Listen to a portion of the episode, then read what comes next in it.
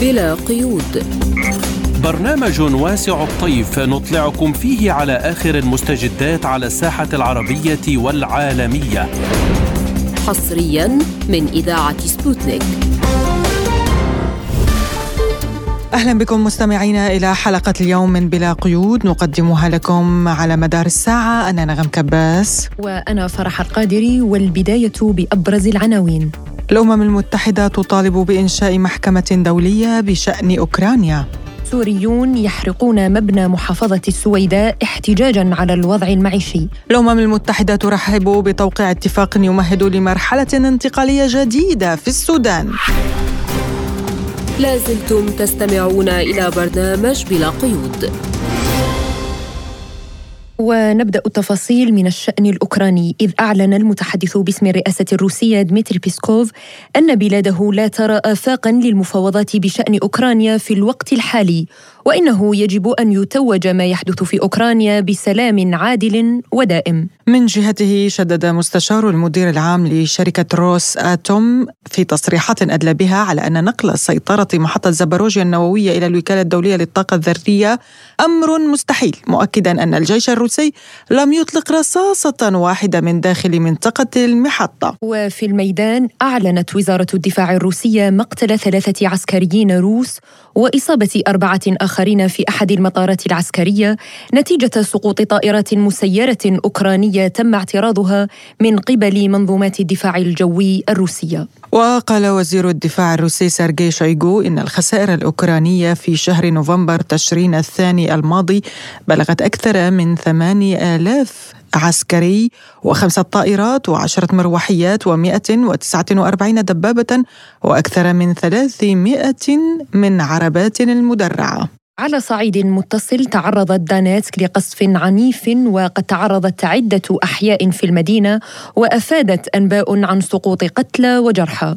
وأثناء قصف المدينة زار زيلينسكي المنطقة بينما يتصاعد الدخان الأسود من المنطقة وهو يحتفل بعيد الجيش مع قواته في دنباس.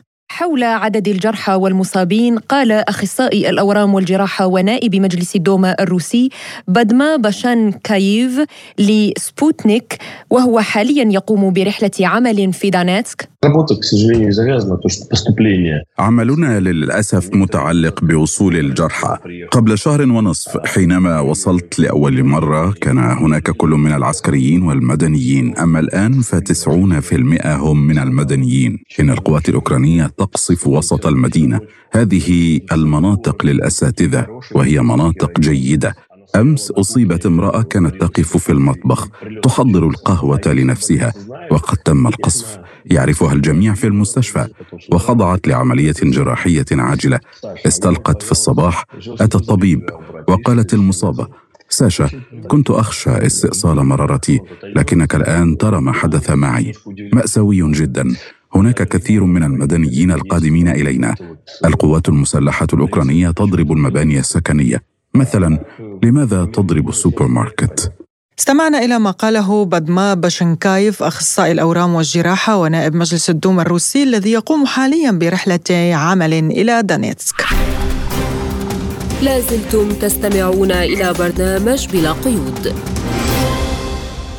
وفي تصريح خاص لسبوتنيك أكد مصدر دبلوماسي في الأمم المتحدة أن الجمعية العامة للمنظمة الدولية سوف تصوت على مشروع قرار أوكراني بشأن محكمة دولية حول أوكرانيا في أوائل العام المقبل 2023 ووفقا للمصدر فقد أعدت أوكرانيا مشروع قرار لإنشاء محكمة دولية بشأن روسيا ومن المرجح أن تصوت الجمعية العامة للأمم المتحدة عليه في أوائل العام المقبل. هذا وقد صرح السفير الروسي لدى الأمم المتحدة فاسيلي نابينزيا أن مبادرة المفوضية الأوروبية لإنشاء محكمة دولية بشأن أوكرانيا تحت رعاية الأمم المتحدة هي محاولة لإضفاء الشرعية على مصادرة الأصول الروسية.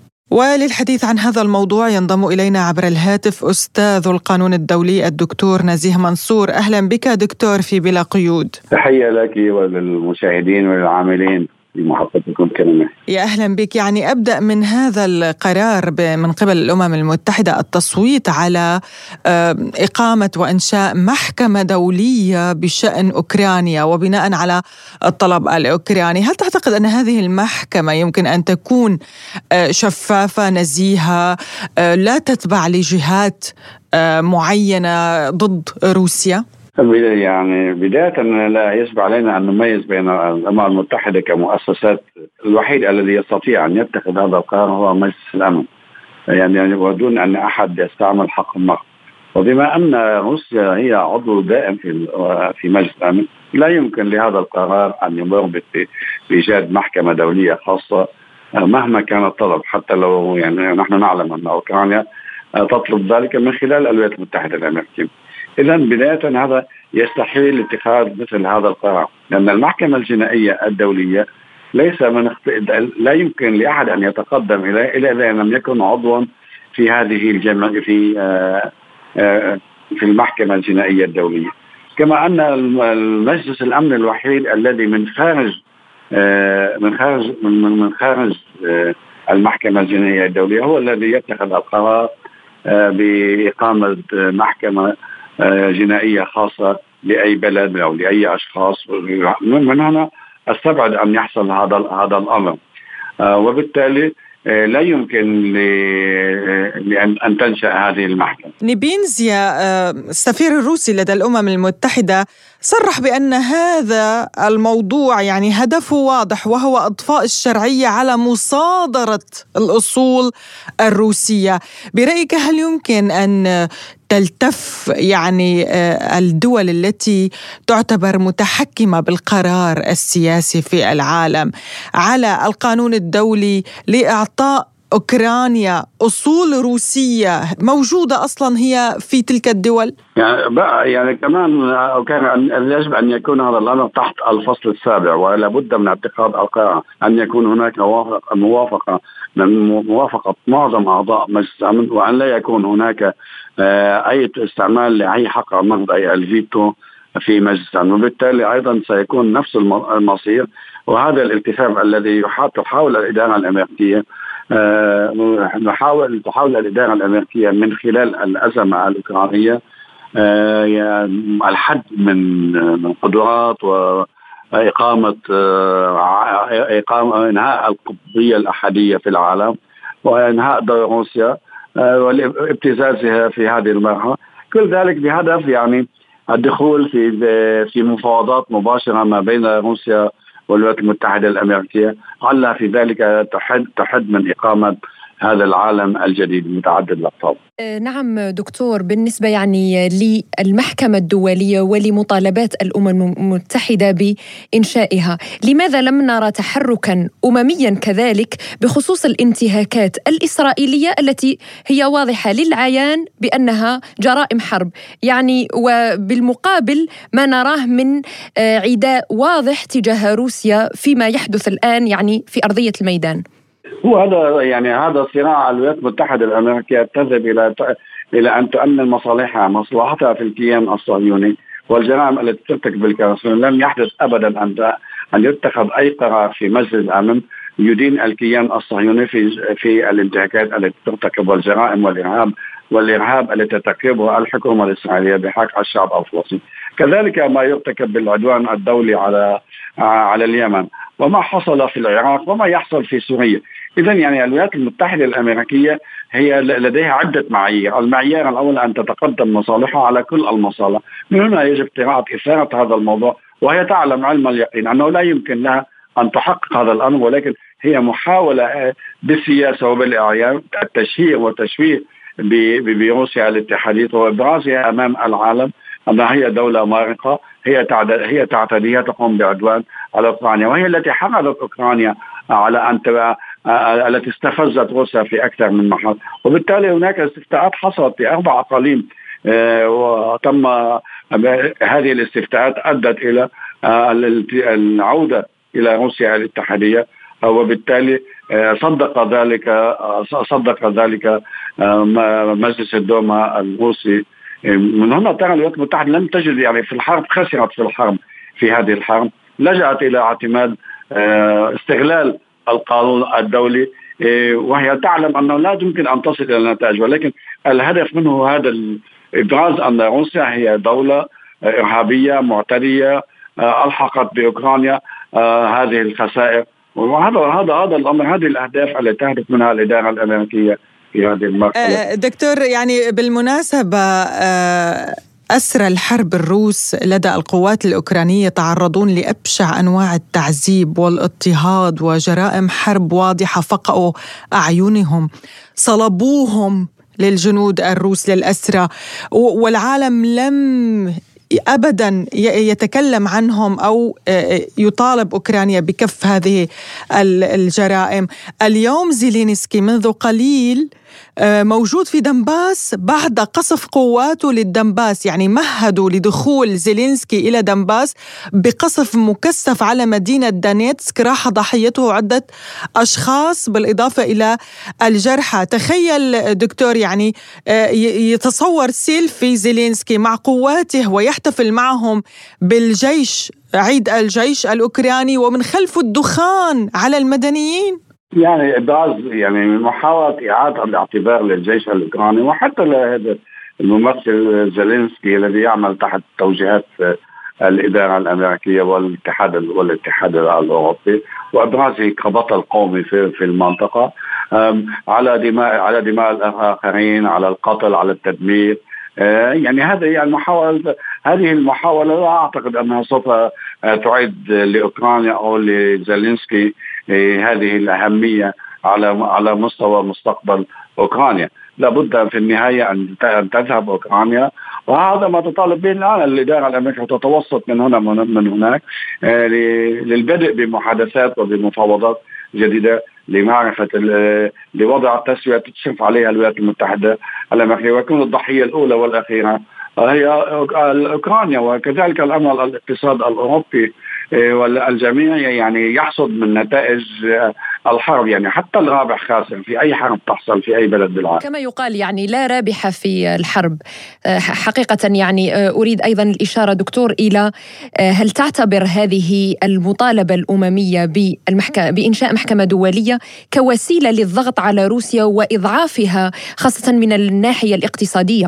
صحيح هذا الأمر مجرد اتخاذ الاتحاد الأوروبي قرار بتحديد سعر النفط الروسي يعني هذا تدخل مباشر وعلني القصد منه والهدف منه هي إرباك روسيا من الناحية الاقتصادية والحد من قدراتها المادية وبالتالي لتكون عاملا في إضعافها في الحرب التي تشن عليها من قبل آه، الولايات المتحدة من خلال من خلال أوكرانيا.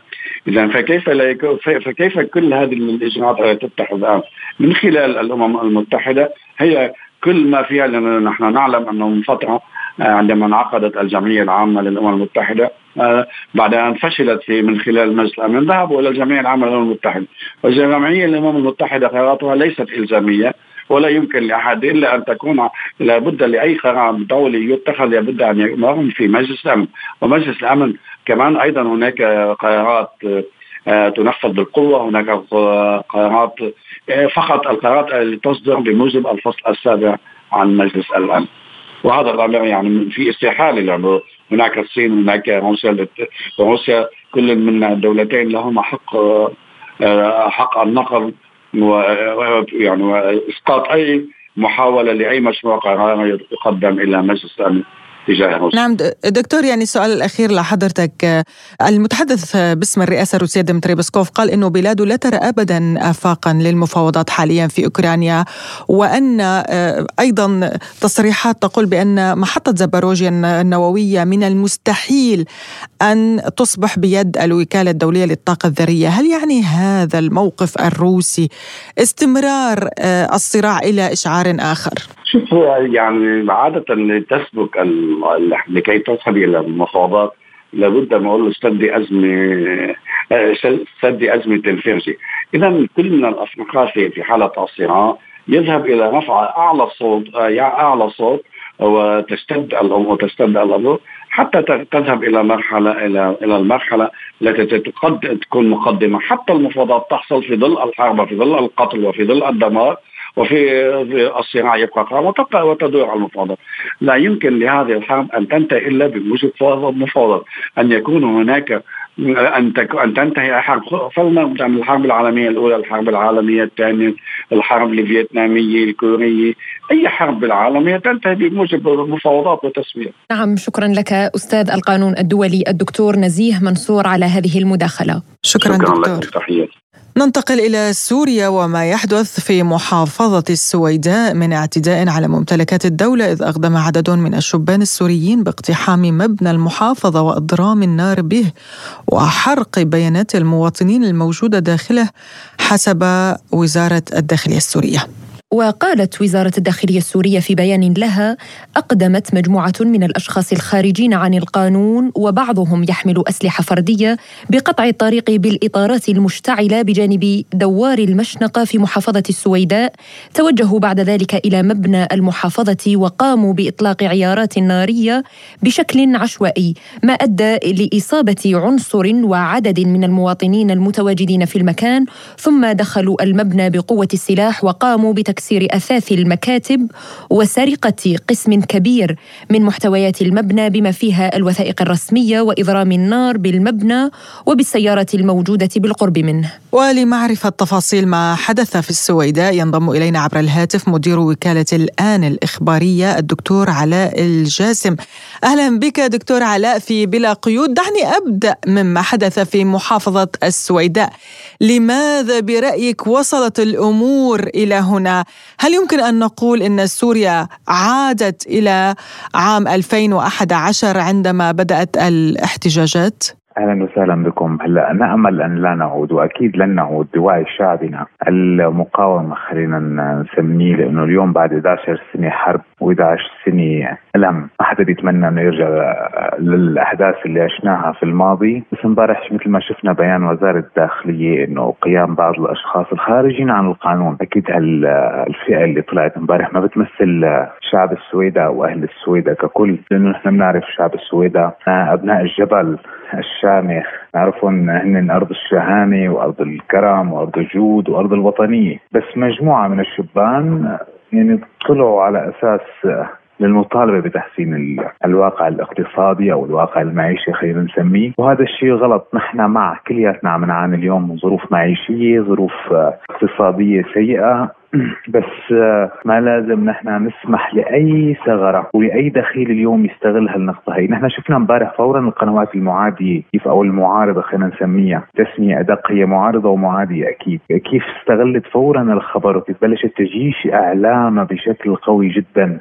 بسبب الحادثة اللي صارت امبارح. وهن مجموعة من الأفراد الخارجين على القانون ونحن نوهنا من خلال صفحاتنا مثلا عن طريق حسابي الشخصي إنه مو هيك بتنحل الأمور. يعني امبارح الشهيد الشرطة احد أفراد الشرطة الشهيد اللي استشهد.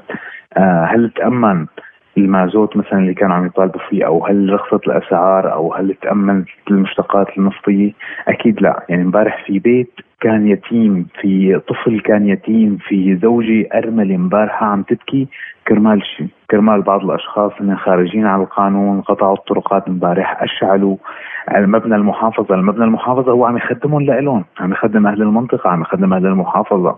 حرقوا أضابيرهم لإلهم بالنهاية. يعني أكيد نحن هدول الفئة ما بيمثلوا الشعب السوري ككل ولا بيمثلوا أهل السويد لأنه أهل السويد إحنا نعرفهم مين هن وبنعرفهم كثير منيح. ومثل ما أكدت كمان وزارة الداخلية إنه حتلاحق الخارجين عن القانون تتخذ الإجراءات القانونية بحقهم لأنه أول شيء من اساءوا لأهل السويدة وللممتلكات العامة بالسويدة يعني دكتور هل تتوقع امتداد هذه الأعمال إلى محافظات أخرى أم تعتقد أنها حالة فردية وهدأت الأمور؟ لا أكيد هي حالة فردية وحالة يتيمة عابرة. حتى اليوم نحن شفنا اليوم من الصبح الجهات المختصة والجهات الخدمية والجهات التنفيذية بدأت بتنظيف الشوارع أمام مبنى المحافظة وإعادة آه، ما خرب بالأمس. يعني حتى امبارح مثلا مثل ما لاحظنا إنه سيارة آه، الشرطه تم تدميرها وتم حرقها. طب هي السيارة لمين؟ هي السيارة مين دفع حقها؟ نحن دافعين حقها. نحن كشعب نحن دافعين حقها. هي لحمايتنا لحماية أمننا لحماية أماننا. أكيد هي حالة فردية ومبارح امبارح شفنا تدخل كبير كان من وجهاء السويداء ومشايخ العقل بالسويداء كما عهدناهم دائما بأنهم هم رمز الوطنيه وأكيد ما حيتكرر هالموقف لأنه حتى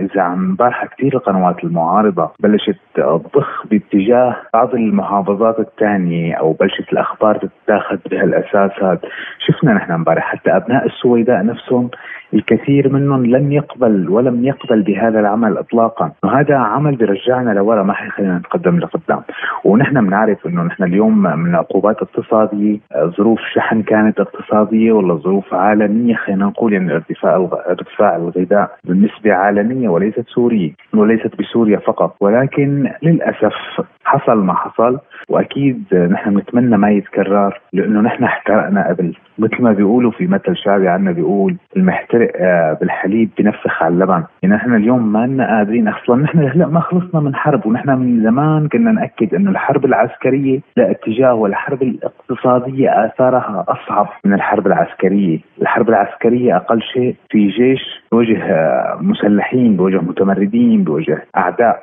أما اليوم نحن كلياتنا كشعب طالبين نتحمل ونصبر آه صديقتي نحن ما عم نحكي إنه نحن ما عندنا لا عندنا نحن أزمة نحن عندنا سوء وضع معيشي صعب. وإذا بتلاحظي من خلال جولة على الصفحات السورية أو على حسابات آه عبر مواقع التواصل الاجتماعي السورية الكل عم يحكي. والكل عم ينقد والكل يعني نحن اليوم ككل عم نحاسب الحكومة وعم نتوجه للحكومة وعم نلوم الحكومة وعم ننقد الحكومة بس بالنهاية ما بتوقع إنه في أب مثلا خلينا نعطيها التشبيه البسيط إنه في أب عنده أكل ما عم يطعم أولاده. نعم دكتور يعني ذكرت حضرتك الوضع صعب والشعب السوري يعاني أزمة خانقة وهذا يراه حتى الأعمى يعني. ولكن هل يوجد من يستغل هذه المطالب المحقة للشعب السوري للركوب على ظهر هذه المطالب برأيك؟ يعني تجيش الأوضاع وتأجيجها بين الشعب من جهة والسلطة من جهة أخرى من جديد؟ طبعا عزيزتي دائما العدو لا ينام. خلينا نقول نحن خلينا نقول اللي عندنا هدول ما لهم أعداء. اعداء هدول يعني كتلة أو خلينا نقول مجموعة خارجة عن القانون. ونحن المنطقة الجنوبية بشكل عام من بداية الأحداث لليوم يعني من من من شهر تقريبا كان في هناك عملية عسكرية في درعا وتم قتل متزعم داعش هناك. والمنطقة الجنوبية إلى اليوم لا يعني لا يوجد بها استقرار أمني إلى حد ما.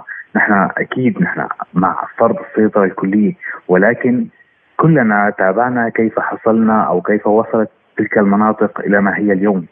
من خلال تسويات ومن خلال عمليات عسكرية محدودة خلينا نقول إنه كان الوضع الوضع السياسي أو الوضع خلينا مثل ما نسميه قرب المنطقة كمان من إنه مثلا السويداء منطقة حدودية ودرعا منطقة حدودية.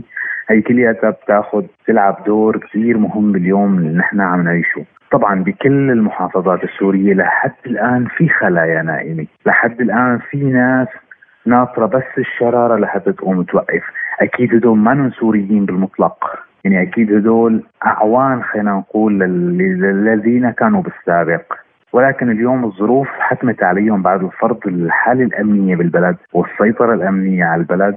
ما بقى فيهم يواجهوا لحالهم. لهيك بينطروا أي مطب أو أي شرارة خلينا نسميها بكلمة شرارة مثل امبارح صارت ليظهروا. حتى امبارح شفنا من خلال فيديوهات قنوات أو صفحات أي نشرتها إنه عم ياخذ أوامر إنه في صوره السيد الرئيس لسه فوق لازم تنزل وبإيده جهاز آه، اتصال فضائي. يعني أكيد ما عبارة عن حالة شعبية فقط. هناك سياسة وهناك تسييس للأمر من الخارج. وخلينا نربط جزء بسيط بما يحصل في الشمال. الاحتلال التركي يريد أن يقاتل أو يدخل الأراضي السورية؟ قسد التي هي اليوم سبب أساسي بالمعاناة السورية اليوم وبالأزمة أزمة المشتقات النفطية التي نعيشها اليوم بسيطرتها. من قبل بسيطرتها على الحقول النفط بدعم وتوجيه ودعم عسكري ودعم استراتيجي من الولايات المتحدة الأمريكية. يحاولون الآن تشتيت الدولة السورية بين الشمال والجنوب. لكن مثل ما أكدت لك وبرجع باكد لك الجيش اللي صمد والبلد والشعب اللي صمد 11 سنه ما حينكسر وما حينهزم. بمجموعة أو خلينا نسميهم بفئة معينة خارجت عن القانون وتحاول أن تثير الذعر والإرهاب والتخريب في البلاد. يعني دكتور ما الغاية من افتعال هذه الأحداث حاليا في السويداء خاصة وأنه هناك مصادر خاصة؟ آه، قالت لكم إن هناك بعض الشخصيات من دول جارة تتدخل في الأحداث وهنا أقصد يعني رئيس الحزب التقدمي الاشتراكي ولي جون بلاد آه، صديقتي هلا بالبداية مثل ما ذكرنا انه هن عبارة عن مجموعة من الزعرانه ومجموعه من الخارجين عن القانون. وخلينا نقول إنه هن عبارة حبوا أو عم يحاولوا يعملوا حالة فوضى في السويداء.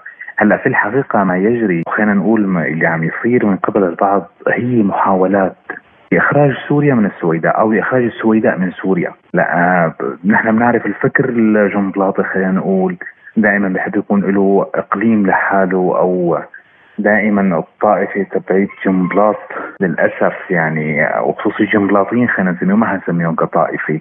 الجنبلاطيين اليوم عم يحاولوا كثير يحاولوا وعم يعملوا جاهدا ليخرجوا السويداء من سوريا. وهذا يعني إيجاد إمارة ولا علاقة للكرامة ولرجال السويداء الشرفاء. بهذه القضية فهذا جنبلاط نراه سائحا اليوم في لندن وبتركيا وأتباعه وأتباع متأثرين بكل ما يحدث في بلد ادعوا لبنان. شوف لبنان اليوم. هل انتفض الجنبلاطيون على جنبلاط في لبنان؟ هل يعيشون واقع أفضل من الواقع الذي يعيشه السوريون هنا؟ مع يعني للعلم إنه سوريا لا تتعرض اليوم لواحد بالمية من اللي تعرضت له. أو عفوا لبنان ما لم يتعرض واحد بالمئة من اللي تعرض له سوريا تعرضت له سوريا خلال الحرب وخلال الأزمة وبنشوف نحن اليوم الاقتصاد اللبناني نسف من الوجود. بنوك أفلست. أموال لمودعين خلينا نقول حجزت ما خلينا نقول سرقت. كانوا لبنانيين ولا عرب ولا أجانب ولا ككل. هل انتفضوا على سيدهم جنبلاط؟ لأن أكيد لا. إن غايتهم هو الانتماء الطائفي وليس الوطني. الطائفية تغفر للحمقى حماقتهم ولا تغفر الوطني وطنيته. حق الجميع أن ينتفض بوجه الظروف الاقتصادية وبوجه الظروف المعيشية. ولكن متى أنتفض على جيشي وعلى أمني وعلى قوات الشرطة وأقتل وأخرب منتجات العامه، أنتفض عندما أرى الجيش العربي السوري يفر من حلب والدير والحسكة وحمص. وقد تحول إلى ميليشيات تحمي الساحل السوري. هون بس أنا بحق لي إني أنتفض. لأنه من حقي من حقك أن تبحث عن كرامتك عندما تشاهد رايات الطوائف في كل محافظات سوريا بديلة عن الرايه السوريه أنا مو من حقي انزل العلم السوري من أي مبنى. وارفع رايه طائفتي أو رايه مجموعتي أو جماعتي أو مذهبي. ومن حقك أن تنتفض عندما يترك قائد سوريا دمشق سبيل لمعاشر شهوة الذبح. ووضع النساء في الأقفاص الحديدية. هون بس بحق لك إنك تنتفض بوجه رئيسك ولا بوجه أمنك ولا بوجه جيشك ولا بوجه قوات الشرطة عندك. من حقك أن تنتفض عندما لا تجد من يدافع عن أخ سلطان باشا الأطرش في كل سوريا. بالمناهج الدراسيه من المرحله الابتدائية بنقدس هذا البطل لكل السوريين. هذا بطل موجود وصاحب ثورة كبرى صح. ولكن للأسف هناك اليوم المخطط أكبر من ذلك هي إخراج السويداء من سوريا. وهذا ما سينعكس عن السويداء. إن حدث ولن يحدث طبعا ولكن هذا سينعكس عن السويداء بطريقة أو بأمر جدا سلبي. فاليوم السويداء قربها من الأردن وقربها من الخط الحدودي وقاعدة التنف الذي يتم تدريب المسلحين والمخربين ويتم إرسالهم إلى كامل بقاع الأراضي السورية وبالأخص اليوم درعا والسويداء لتنفيذ أغراض تخريبية وأعمال تخريبية بسبب والسبب معروف لدى الجميع منذ العام 2011 هو عبارة عن تخريب وتشويش وتضييق على القيادة السورية، نحن نرى اليوم دائما القرار السيادي سيادي لا أحد يفاوض به، الخطوط الحمراء في سوريا، خطوط السيادة الوطنية في سوريا معروفة. من أنا ومن أنت؟ أنا أرفع العلم السوري وأنت تنزله وتريد أن تحرقه. من أنت؟ أنا لما أحرق العلم اكون عم طالب بتحسين واقع معيشي ما هذا علمي آلاف ممن ضحوا بدمائهم مشان يضل هالعالم عم يرفرف فوق سوريا أنا بيجي بنزله وبدي أحرقه أكيد لا أكيد ما أنا مطالب واختيار التوقيت بنرجع بنأكد هو ربطا بما يحصل في الشمال. قال ليك شو بعت المراسل؟ اشتعلت السويدة واحترقت الدنيا ووزارة الداخلية طلعت بيان ومات مات شاب. مدير وكالة الآن الإخبارية الدكتور علاء الجاسم شكرا لك دكتور على هذه المداخلة. لازلتم تستمعون إلى برنامج بلا قيود. وإلى السودان أين وقعت قوى مدنية سودانية مع مجلس السيادة السوداني على اتفاق يؤسس لفترة انتقالية جديدة في البلاد. مدتها 24 شهرا تبدأ من تاريخ تعيين رئيس وزراء انتقالي. فهل تصل الأزمة السياسية إلى نهايتها بعد توقيع هذا الاتفاق الطارئ؟ وجاء في نص الاتفاق الإطاري أن السلطة الانتقالية مدنية ديمقراطية كاملة دون مشاركة القوات النظامية. ومهامها تكمن في الإصلاح الأمني والعسكري الذي يقود لجيش مهني وينأى به عن السياسة. ونص الاتفاق على أن قوى الثورة تختار رئيس وزراء انتقالي بالتشاور مع الأطراف المدنية الموقعة على الإعلان السياسي لافتة إلى إطلاق عملية شاملة لصياغة الدستور تحت إشراف مفوضية صياغة الدستور. من جانبه رحب الأمين العام للأمم المتحدة أنطونيو غوتيريش بتوقيع الفصيل العسكري وقوى مدنية في السودان لاتفاق إطاري يؤسس لفترة انتقالية جديدة في البلاد. كما عبر غوتيريش عن أمله في أن يمهد هذا الاتفاق الطريق أمام التحول إلى حكم مدني في السودان داعيا السودانيين إلى العمل بشكل فوري على المرحلة التالية من العملية الانتقالية بهدف تحقيق تسوية سياسية شاملة ودائمة للأزمة في البلاد. لمناقشة هذا الموضوع أكثر نستضيف معنا من السودان الكاتب والمحلل السياسي السوداني خالد الفكي. أهلا وسهلا بك أستاذ خالد وشكرا لك على تلبية الدعوة. أهلا وسهلا بك أستاذ خالد. مرحبا بكم ونهاركم سعيد نبدأ من هذا الاتفاق الطارئ يعني الذي تم توقيعه ويمهد لمرحلة انتقالية جديدة في السودان. يعني هل برأيكم تصل الأزمة السياسية في السودان إلى نهايتها بعد هذا الاتفاق؟ آه نعم يعني بدءا يجب أن نلفت الانتباه أن هذا الاتفاق هو خطوة أولى. آه لمحاولة آه وضع أولى لبنات آه الدولة المدنية في السودان من خلال موافقة المكون العسكري على الخروج من المشهد السياسي والالتزام بأن يكون ممثل في هرم الأجهزة العسكرية والأمنية وأن يترك الأجهزة السيادية والتنفيذية والتشريعية للمكون المدني. فبالتالي الآن أعتقد أن التحدي الأكبر الذي سيواجه هذا الاتفاق هو قدرة الموقعين على إنزاله إلى أرض الواقع وجعل هذا الأمر ممكنا وأن يتم تنفيذ بنوده مباشرة دون أي تلكؤ أو أو مشاكسات أو أي محاولات للتكتيك السياسي المضاد لنسف هذا الاتفاق، كما أن هناك أيضا تحدي أكبر يتمثل في إخلاص النوايا من قبل المكون العسكري ورغبته الجادة في أن يتخلى عن المشهد المشهد السياسي لصالح القوى المدنية. والتحدي الثالث هو بعض الألغام التي وضعت في طريق هذا الاتفاق القضايا العالقة التي سيتم النظر إليها في وقت سابق والتي تشمل قضايا الإصلاح الأمني والعسكري والمتعلق بعملية السلام ومراجعتها خاصة أن هناك بعض قوى السلام هي ترى أن هذا الاتفاق ربما يقلص من حصصها ويعني يعدل من انصبتها فبالتالي هي تناهض هذا الاتفاق. والملف الثالث وأعتقد أنه هو القنبله الموقوتة في طريق هذا الاتفاق هو ملف العدالة القضائية والعداله الانتقالية لأن هذا الأمر ربما يعني هناك قضايا تلاحق بعض شغلي المناصب الدستورية منذ ثورة ديسمبر والانقلاب على البشير. وحتى هذه اللحظة هذا الملف يعتبر هو ملف خطير جدا وحساس. أيضا هناك ملف رابع يتعلق ببنية تفكيك نظام الإخوان المسلمين الذي حكم السودان 30 عاما. فايضا هناك ربما بعض المصالح وبعض القضايا التي تتقاطع مع قوى داخلية.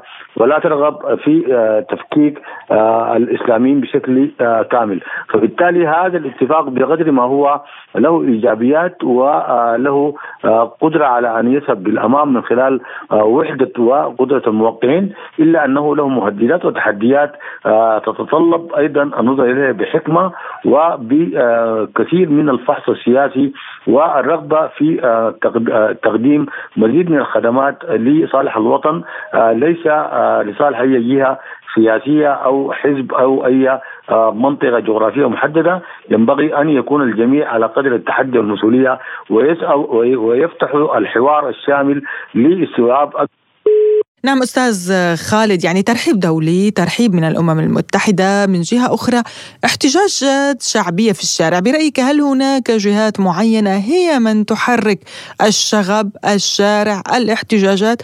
كيف يمكن حل هذه الخلافات في ظل التوترات القائمة برأيك؟ ميتي قال أنه السودان قبل 2018 ليست يعني هي التي هي عليه اليوم. أزمات داخلية عصفت بالبلاد منذ هذه السنوات برأيك يعني هل جاء هذا الاتفاق في الوقت المناسب؟ آه نعم أعتقد بأن هذا التوقيت هذا هو التوقيت المثالي لهذا الاتفاق لنزع فتيل الأزمة في السودان ومحاولة إيجاد مغاربة بين القوى العسكرية والمدنية. آه فعلا السودان لم يعد هو السودان في 2018 هناك متغيرات داخلية آه كثيرة. هناك عواصف آه من التغيير على مستوى الإقليم والعالم.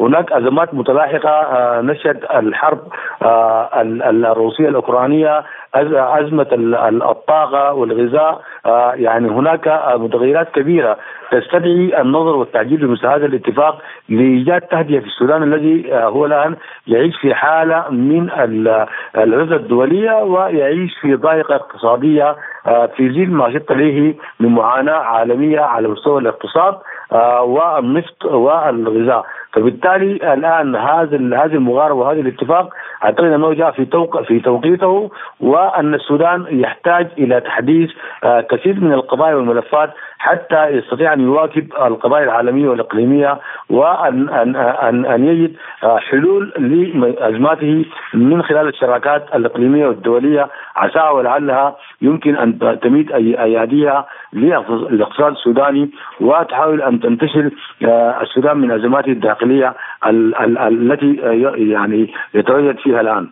نعم شكرا لك الكاتب والمحلل السياسي السوداني الأستاذ خالد الفكي كنت معنا من الخرطوم. شكرا لك دكتورة فرح وعلى الرحب والسعة في أي وقت إن شاء الله. شكرا. لازلتم تستمعون إلى برنامج بلا قيود. وإلى أخبار سياسية متفرقة. أكد رئيس المجلس الأعلى للدولة في ليبيا خالد المشري أن من جاء بالانتخابات يخرج بالانتخابات ورد على تصريحات رئيس حكومة الوحدة المؤقتة عبد الحميد الدبيب الذي يصر على رفض أي توجيهات غير الانتخابات لتغيير السلطة التنفيذية قائلا. من جاء بالانتخابات يخرج بالانتخابات ومن جاء باتفاق سياسي يخرج باتفاق سياسي. أعلن وزير الدفاع الإسرائيلي المنتهي ولايته بيني جانس أنه وجه جيش بلاده بالاستعداد لحدث يؤدي إلى التصعيد في الضفة الغربية. وقال جانس في مقابلة مع صحيفة إسرائيلية لقد أصدرت تعليماتي للجيش بالاستعداد لاحتمال وقوع حدث يؤدي في النهاية إلى تصعيد من نوع أو آخر في داخل يهودا والسامرة. الاسم التوراتي للضفة الغربية ويمكن أن يصل إلى غزة. وأضاف هذا الشيء يمكن أن يحدث في هذا الوضع المعقد. علينا أن نضيف التحدي الإيراني الذي برأيي سيزداد في العام أو العامين القادمين. لازلتم تستمعون إلى برنامج بلا قيود. ومن السياسة إلى الاقتصاد فبعد مرور قرابة العشرة أشهر على بدء العملية العسكرية الروسية الخاصة في أوكرانيا وكذلك فرض دول الاتحاد الأوروبي والدول الغربية آلاف العقوبات التاريخية المستمرة على روسيا. اليوم أوروبا تشدد عقوباتها من جديد. وهي من تدفع الثمن الأكبر من هذه العقوبات. احتجاجات في الشوارع الأوروبية بسبب التضخم الاقتصادي وغلاء أسعار الكهرباء والوقود والمواد الغذائية ومطالبات بعدم الانجرار وراء هذه المشاكل السياسية الدولية على حساب حياة الشعوب لا سيما ومع دخول فصل الشتاء. هنغاريا اليوم تدعو دول الاتحاد الأوروبي إلى التوقف عن الحديث عن حزمة جديدة من العقوبات ضد روسيا مؤكدة أن ذلك لن يؤدي إلا إلى تفاقم أزمة الطاقة في أوروبا. حيث دعا رئيس وزراء هنغاريا فيكتور أوربان للنظر في مراجعة العقوبات المفروضة على روسيا مشيرا إلى عواقبها السلبية على دول جانبي المحيط الأطلسي. ودعم أوربان بالسياق تصريح الرئيس الفرنسي إيمانويل ماكرون الذي ذكر فيه أن أوروبا والولايات المتحدة تشارك في النزاع الأوكراني باسم نفس المبادئ لكن الثمن الذي يتم دفعه ليس هو نفسه على جانبي المحيط الأطلسي. ومن جانبه قال وزير الخارجية الهنغاري بيتر سيارو يتعين على الاتحاد الأوروبي التوقف عن ذكر الحزمة الثامنة من العقوبات ضد روسيا والإشارة إلى مثل هذه الإجراءات التي من شأنها تعميق أزمة إمدادات الطاقة. فهل ستستفيق الدول الأوروبية سريعا من الخدعة الأمريكية البريطانية التي أوقعتاها بها؟ ولمناقشة هذا الموضوع أكثر نستضيف معنا الخبير بالعلاقات الدولية الدكتور أيمن سمير. أهلا وسهلا بك دكتور أيمن في بلا قيود وأبدأ من هذه الدعوة من قبل هنغاريا لدول الاتحاد الأوروبي بمراجعة العقوبات المفروضة على روسيا. برأيك هل ستمتثل بعض الدول لهذه الدعوة؟ يعني وتستجيب؟ في تقديري الدعوة التي أطلقتها هنغاريا والماجر هي ليست الدعوة الأولى. الماجر منذ البداية هي ضد العقوبات الغربية والأوروبية على روسيا وفي تقديري هذه الدعوة لن يمتثل إليها أحد في الوقت الحالي لأن هناك ما يمكن وصفه بالرأي الجمعي الغربي المسيطر عليه من قبل المتطرفين الغربيين وهؤلاء بشكل رئيسي في الولايات المتحدة الأمريكية في بريطانيا في كندا. حتى في بعض الدول الأخرى في الجناح الشرقي من حلف الناتو مثل دول البحر البلطيق الثلاثة مثل بولندا. في تقدير هذه الدول يعني سوف تقف عائق أمام أي محاولة من جانب بعض الدول الأوروبية للاستجابة لهذه الدعوة المجالية وأنا في تقديري هي دعوة حكيمة أولا وهي دعوة تستجيب لمتطلبات الرأي العام الأوروبي. كنت في أثينا لفترة طويلة والتقيت بغالبية أو عدد كبير جدا من المواطنين الأوروبيين. الجميع يشكو من هذه العقوبات على روسيا ويقول أن أوروبا أطلقت النار بالفعل على قدميها وأن من يدفع الثمن هذه العقوبات هي أوروبا وليس روسيا. بل أن الجميع بلا استثناء يتهم الولايات المتحدة الأمريكية بأنها تتربح وتتكسب من هذه العقوبات لأنها الآن أصبحت المورد الرئيسي للغاز المسال إلى أوروبا وبأسعار خيالية ربما هذا ما دفع الرئيس ماكرو والمستشار شولتز لمطالبة الولايات المتحدة الأمريكية بوقف هذه الأسعار التي وصفوها بالعدائية ضد أوروبا. يعني دكتور من برأيك يحرك هذه التصعيدات والعقوبات على روسيا من دول الاتحاد الأوروبي حاليا؟ يعني خاصة بعد دخول قرار حظر استيراد النفط الروسي بأكثر من 60 دولار حيز التنفيذ بالأمس. في تقدير الولايات المتحدة الأمريكية والمملكة المتحدة من أكثر الذين يحركون الإبقاء على هذه العقوبات.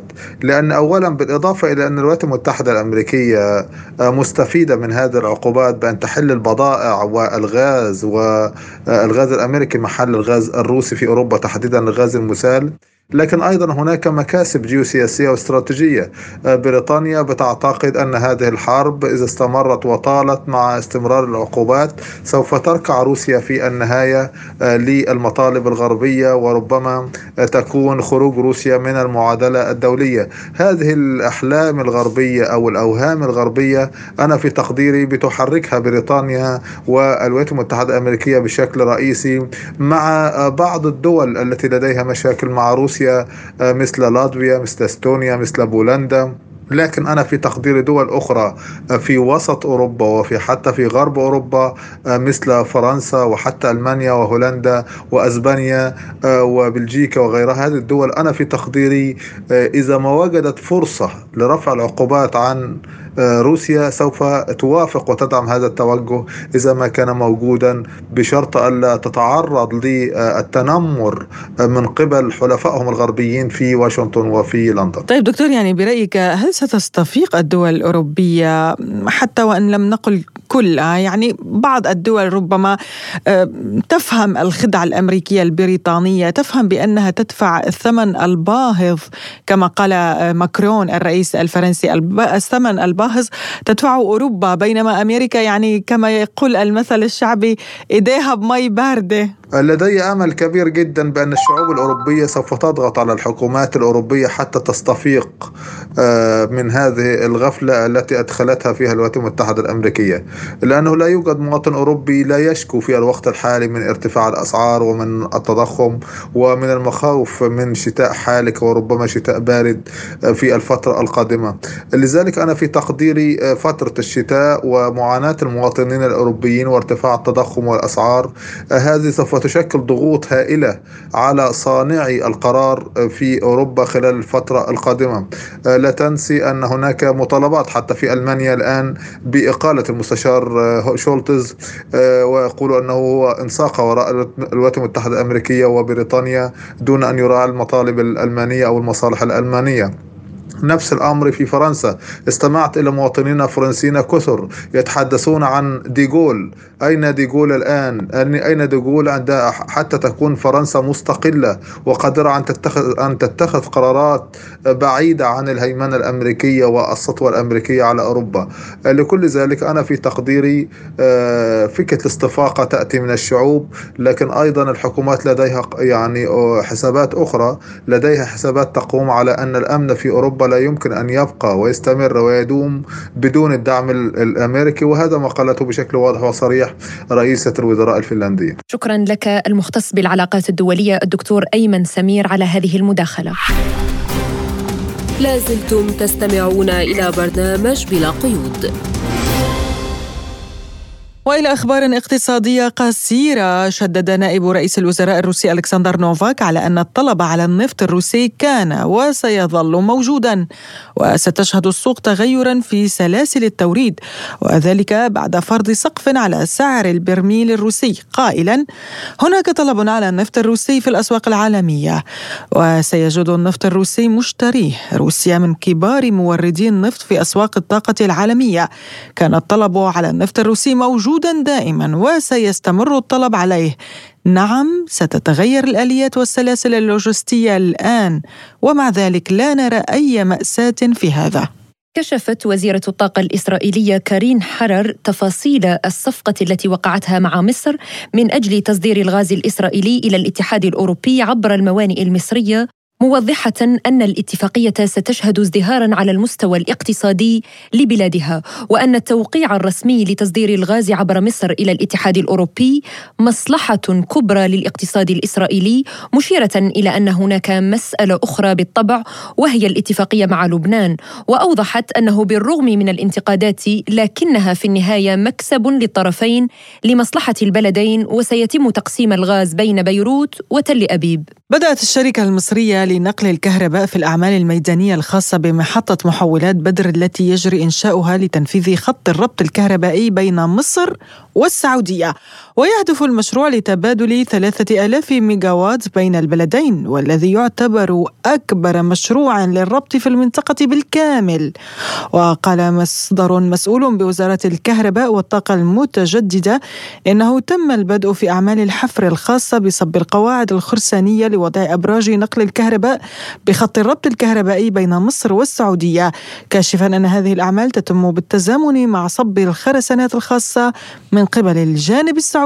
بدأت ماكينة صرف آلي لبيع عملات ذهبية بأموال من بطاقات مصرفية بالعمل وتقديم الخدمات للعملاء في مدينة حيدر أباد الهندية بولاية تيلينجان وهذه الماكينة تعد الأولى من نوعها في العالم وليس فقط في الهند. ويتيح الجهاز شراء العملات الذهبية العملات الذهبية في ثمن خيارات من 0.5 جرام إلى 100 جرام. ومن ميزات المهمة للجهاز هو أن سعر الذهب يتم تحديثه بناء على تغيرات أسعار المعدن النفيس في بورصة لندن. ويتمتع جهاز الصراف الآلي بنظام حماية عال ضد عملية القرصنة كما أنه مجهز بكاميرا فيديو مدمجة وإنذار صوتي والجهاز لديه خط اتصال مع الشرطة.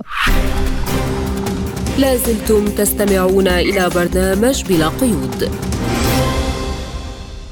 وفي المجتمع الرئيس الروسي يوقع حزمة من القوانين تحظر الدعاية للمثلية الجنسية في بلاده.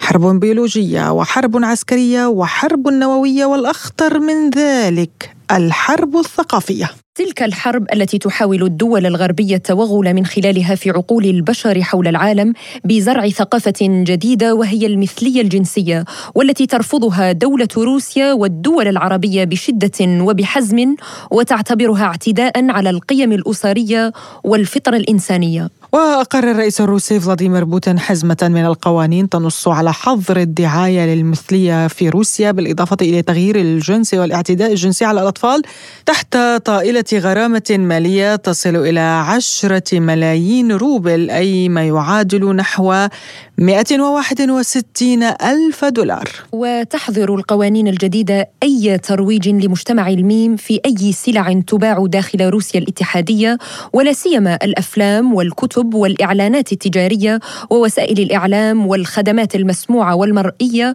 وكذلك ألعاب الكمبيوتر وتسويق. وطالب تجار التجزئة المحليون في وقت سابق مجلس الدوما بتأجيل النظر في التعديلات على مشروع القانون الذي يحظر الدعاية لمجتمع الميم بهدف مناقشته بشكل أكبر خشية غياب معايير واضحة للتصنيف البضائع المحظورة ما يدفع لتفسير النصوص القانونية بشكل غامض بالإضافة إلى ضرورة الفحص الكامل للسلع والنظر بمحتواها إن كانت تشير إلى أشياء محظورة وهو ما يتطلب تتطلب تكاليف ضخمة من جانب قطاع الصناعة. Я придерживаюсь того традиционного подхода, что женщина – это женщина, мужчина – мужчина. يجب أن تكون هناك فطرة سليمة. أنا أدعم التوجه التقليدي بأن الرجل رجل والمرأة مرأة، ولكن الأم هي ماما، الأب هو بابا. آمل أن تكون لدى مجتمعاتنا حماية أخلاقية داخلية تمليها المعتقدات التقليدية لدى روسيا الاتحادية، ما يميز مجتمعنا الممتد منذ القدم، وقوته تكمن في أن روسيا تشكلت كدولة ذات معتقدات وقوميات متنوعة. وتعلمنا أن نعامل بعضنا البعض باحترام. ماذا يعني ذلك؟ يعني أن نتعامل باحترام مع أساس ثقافتنا التراثية الروسية لدى جميع شعوب روسيا الاتحادية. وأريد أن أؤكد لدى الجميع يوجد قدر معين من الحماية الأخلاقية الداخلية ضد هذه الظلامية التي تحدثت عنها. ليفعلوا ما يشاءون. يجب علينا أن نقتبس الأفضل والأكثر تطورا. وان نكون الاوائل وان نكون الرائدين في التكنولوجيا والاقتصاد وفي المجالات الانسانيه كالصحه والتعليم امل ان تكون لدى الشعوب الروسيه مناعه داخليه كامله ضد هذه الظلاميه اما مكافحه ذلك فلا يجب ان تكون بالاوامر المباشره وكيل الاتهامات وانما بدعم قيمنا التراثيه الامر الذي اتحدث عنه دائما استمعنا إلى ما قاله الرئيس الروسي فلاديمير بوتين في وقت سابق حول المثلية الجنسية. لازلتم تستمعون إلى برنامج بلا قيود. وإلى مونديال قطر إذ يشهد استاد المدينة التعليمية مباراة قوية بين منتخبي المغرب أسود الأطلس وإسبانيا وهي مهمة صعبة أمام المنتخب العربي الوحيد المتبقي في المونديال لكن ليست مستحيلة فكل التوفيق للمنتخب المغربي. وشهد بالأمس ملعب 974 مباراة حامية بين البرازيل وكوريا الجنوبية إذ حقق فوزا ساحقا بأربعة أهداف مقابل هدف. وحول أجواء المونديال يقول أسامة شريبة أحد المشجعين المتواجدين هناك في حديث لسبوتنيك هلا أنا من سوريا مقيم بأربيل وأجيت لهون عن طريق بطاقة هيا. تفاجأت بصراحة بأجواء المونديال اللي موجودة هون أجواء أكثر من رائعة وصلت أنا قبل المونديال بيوم واحد. so كنت من أول يوم لتاريخ اليوم صرت تقريبا حضران حوالي 18 مباراة. يعني في أيام صادفت إني حضرت مباراتين بنفس النهار. التسهيلات كثير منيحة لكل حاملي بطاقة هيا وحتى اللي مو حاملين بطاقة هيا. يعني بما يخص حركة المترو حركة الدخول والخروج كتير سلسة اللي لفت نظري أكثر شيء هو هذا التنظيم يعني ومو بس يعني لفت نظري لأنه أنا بعرف تنظيمات سابقة يعني أنا هذا أول مونديال بحضره على أرض الواقع يعني باعتبار أنه هو ببلد عربي وقريب وسهل أنه نوصل لهون لكن الحكي اللي سمعته من الأشخاص جنسيات الثانية اللي بتشوفوهم هون يعني بنشوف نحن هون من كل الجنسيات فبناخذ وبنعطي يعني مع مع الأشخاص. ففي كتير أشخاص حكوا لي عن مونديالات جنوب أفريقيا أو مونديالات اليابان وكوريا أو مونديالات ثانية فهن نفسهم متفاجئين بكل شيء منيح هون يعني إنه كل شيء كان فوق الوصف. آه، فشيء روعة يعني إنه بلد عربي قادرة تنظم بهذا الشكل. هذا شيء بصراحة آه، كثير ممتاز وكثير حلو. وقال شريبة أن الكل تقريبا توقع فوز البرازيل. امبارح حضرت آه، البرازيل وكوريا الجنوبية. هلا قبل ما ادخل على الاستاد آه، انتبهت انه كانت آه، الجماهير بالمعظم بالمعظم الكبير كله يعني جماهير برازيلية. هلا مش شرط إنه هن جايين من البرازيل لكن المشجعين البرازيليين سواء المقيمين هون أو اللي جايين من بلدان ثانية عم يشجعوا فريق البرازيل. أو يمكن اللي منتخباتهم اللي بيشجعوها طلعوا فصاروا عم يشجعوا البرازيل. لكن اللون كان أصفر اللون الأصفر كان غالب على المشجعين اللي موجودين وأنا هيك صرت آه، أدور وأسأل بين الأشخاص يعني إنه أسجل بسجل فيديوهات هون يعني بسجل مجموعة من الفيديوهات بنزلها على صفحاتي. فالكل طبعا الكل باستثناء هيك كم شخص من كوريا يعني عم يقولوا بخجل إنه إنه نحن اللي رح نفوز بس الغالبية كان عم يحكي إنه البرازيل هو اللي رح يفوز. في ناس عم تتوقع كانت سبعة أربعة ثلاثة يعني النتيجة كانت أربعة واحد. هي بصراحة آه، بالشوط الثاني بتصور كان ممكن إنه يجيبوا البرازيليين جوال أكثر بس يمكن هن هدوا اللعب شوي. الفريق الكوري كان يعني أقل من التوقعات يعني هو واصل لهون على الدور 16 الفريق البرازيلي آه، كان كثير منيح كان كثير ممتاز بي بي بالملعب امبارح. مبروك لكل البرازيليين يعني هلأ لنشوف آه، كيف آه، رح يكملوا هل رح يوصلوا للنهائي ولا لا. وأضاف شريبة أنها كانت آخر مباراة على هذا الاستاد لأنه سيفكك ويرسل إلى دول أخرى لتستفيد منه. مباراة البرازيل وكوريا الجنوبية كانت آخر مباراة رح تنقام على استاد 974 أو هو كمان بيسموه استاد راس أبو عبود لأنه المنطقة اللي معمول فيها الاستاد هي منطقة راس أبو عبود. الاستاد للي ما بيعرف هو معمول من الحاويات الحاويات الكبيرة مجمعين 974 حاوية وعاملين فيه الاستاد. يعني هو الجزء الأكبر حوالي 80% من إنشائية الملعب وتكوين الملعب المعماري والتصميمي قائم على الحوايا 974 كمان هو نداء قطر يعني للبلد هون المستضيف. الملعب آه، رح يتفكك ورح يتقدم لإحدى البلدان النامية. آه، رح ينعمل آه، رح يرجع يتركب هذا الملعب هنيك. القدرة الاستيعابية للملعب حوالي 45 ألف متفرج. احتمال يعني في بعض الصفحات عم تسرب خبر إنه هو رح يتقدم لمدينة صفاقس التونسية. لكن لسه ما في شيء مؤكد بهذا الموضوع. هلأ مو بس 974 وإنما كمان مجموعة ثانية من مجموعة منيحة من الملاعب. رح تتفكك جزئيا. هلأ هذا الملعب رح رح ينشال خلاص بشكل نهائي. لكن باقي الملاعب معظمها رح يتفكك جزئيا يعني أو نص أو أقل أو أكثر بشوي. يا أما رح ينعمل نفس مكان الملعب فعاليات اقتصادية أو أو اجتماعية أو سكنية أو أو ترفيهي سياحي و أو وإلى آخره يعني. أو رح يضل ملعب لكن رح تخف القدرة الاستيعابية له هلأ أنا حضرت بكل الملاعب هن ثمان ملاعب مخصصة لكأس العالم هون. في منها معمول لأول مرة يعني يعني الملعب بقصد إنه معمول فقط لكأس العالم يعني أو أول بطولة بيستضيفها هي كأس العالم. وفي ملاعب لا كانت سابقا موجودة استضافت بطولات سابقة قامت بقطر. وفي منها مثل 974 عمل ورح ينشال. هلأ الملاعب كلها بصراحة فيها تصميم وشغل معماري ممتاز جدا. فيها شكل حلو. مجموعة منها قائم على فكرة تعزيز التراث العربي أو القطري تحديدا بالأشكال الهندسية اللي معمول منها الملاعب مثل ملعب البيت اللي معمول على شكل خيمة مثل ملعب الثمامة اللي معمول على شكل قحفية اللي بتنحط على الرأس. الملاعب الثانية كلها مثلا في الملعب كمان أحمد بن علي معمول على شكل كثبان الرملية حركة الكثبان الرملية وبعض أشكال النباتات الصحراوية. فهي فيها أشكال جدا رائعة. المعماريين يعني هون بصراحة واللجنة التنظيمية واللي شاغلة على على موضوع الملاعب يعني مشتغلة شغلة. الله يعطيهم العافية. وتستمر يعني أجواء المونديال في قطر واليوم تحديدا سيكون مميز بالنسبة لكل العرب لأن المنتخب المغربي سيمثل الدول العربية في هذا المونديال ويعني أسود الأطلس نتمنى لهم النجاح والتوفيق ونتمنى أن تكون مباراة قوية جدا وحليف والنصر حليف المغرب. نعم يعني والمنتخبات العربية بشكل عام فرح أدت أداء رائعا في هذا المونديال. هو المونديال الأول بتاريخ كرة القدم التي تبدي فيه المنتخبات العربية. هذه المنافسة الشديدة وتصل الفرق العربية إلى الدور السادس عشر. وبهذا نصل وإياكم مستمعينا الكرام إلى ختام حلقة اليوم من برنامج بلا قيود.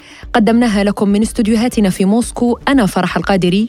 وأنا نغم كباس ولا تنسوا زيارة موقعنا الإلكتروني لمزيد من المتابعة. سبوتنيك dot AE وقناتنا على تليجرام. إلى اللقاء. إلى اللقاء.